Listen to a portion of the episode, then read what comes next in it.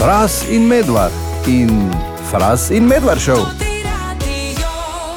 Monopoli danes Uh. praznuje 89. rojstni dan, oziroma verjetno še malo več na današnji dan, eh, leta 1935 je šel v prodajo in eh, jaz recimo Monopolija nisem igral že kakih 25 let. Ja. Ko pa smo ga igrali, pa ga nikoli nismo dokončali, nikoli v življenju. Ja.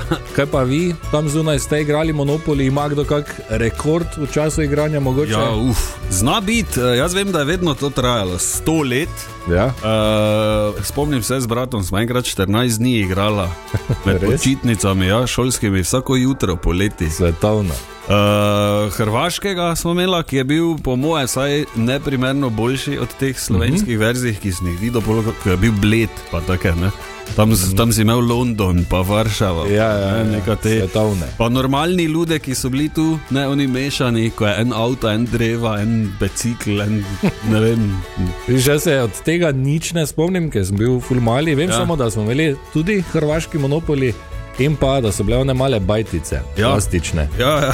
v totem so bile zelene, pa hoteli so pa bili rdeči. E, točno to. No, vidiš, tako da mogoče bi lahko spet kdaj fras. Tu lahko špilam. Lahko mi dva špilamo, pa ni narko, je, tak, je vseeno imel neki svoj von, ne? Mm. Mm. Pol pa bankrot. Zdravo. Zdravo. Naslednji pa je Bon Jovi. Who's there for the restless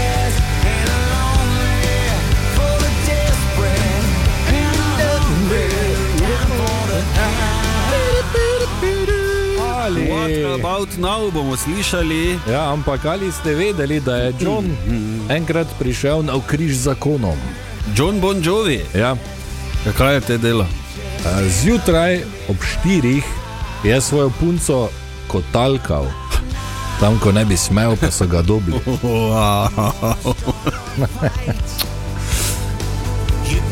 Se pravi, torej, medtem ko so uh, eni rok zvezdniki metali televizije skozi hotelsko okno, Ja. je Bon Jovi kotalkal. Po pol štiri jutra, svetovno. Wow, kaki rebel.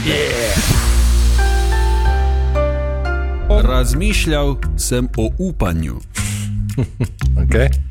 In kako upanje umre zadnje, ne, ko pravijo. Ja. Ampak jaz pravim, da so ščurki tisti, ki umrejo zadnji.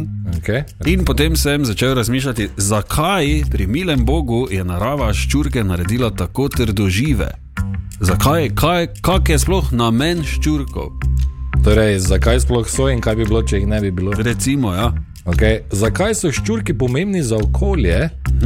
Prvi razlog je, ker so hrana za eno vrsto ose, kar ni dober argument, zdaj ravno. ja, no, ja. Ampak so tudi hrana za ogromno ptic, sesalcev, tudi, za, tudi ljudje jedo ščurke na določenih Ja. ja. koncih sveta, um, za kuščarje in druge živali. Ne? Nekateri ščurki so v določenih eh, koncih sveta tudi opraševalci za rastline. Hm. Okay. Obstajajo recimo že tudi gozdni ščurki, ki lahko edini prebavijo neko listje in tako skrbijo za razgradnjo, pri tem sproščajo recimo tudi dušik, ki je ključen za rast dreves. No, aleluja.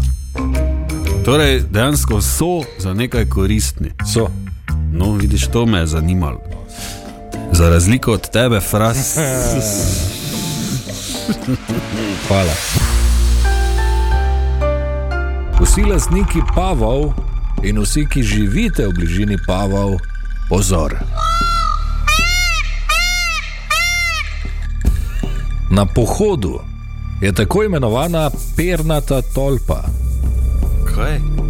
Zaenkrat samo v Nemčiji, ampak Nemčija ni tako daleč stran.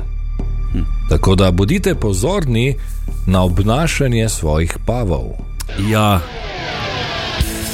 Ker če se naenkrat ful tetovirajo, ali pa če si začnejo dajati neti, gor nete, one veš na peruti, uh -huh. ali pa če vam vpred sobo rinejo, ker imate not obešeno lederjakno. če kluvajo sod za izdelavo šnopsa.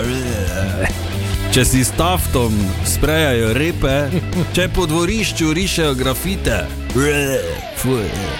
Če brez razloga ful pluvajo, veš, po kaj je. Če na avtonetu gledajo čopere, ali pa če petelinu gušijo za denar, potem veste, da želijo biti del te bande, pernate tolpe. Iz Nemčije. Tako da še enkrat Ja. previdno in bodite pozorni na obnašanje svojih oziroma sosedovih pavov.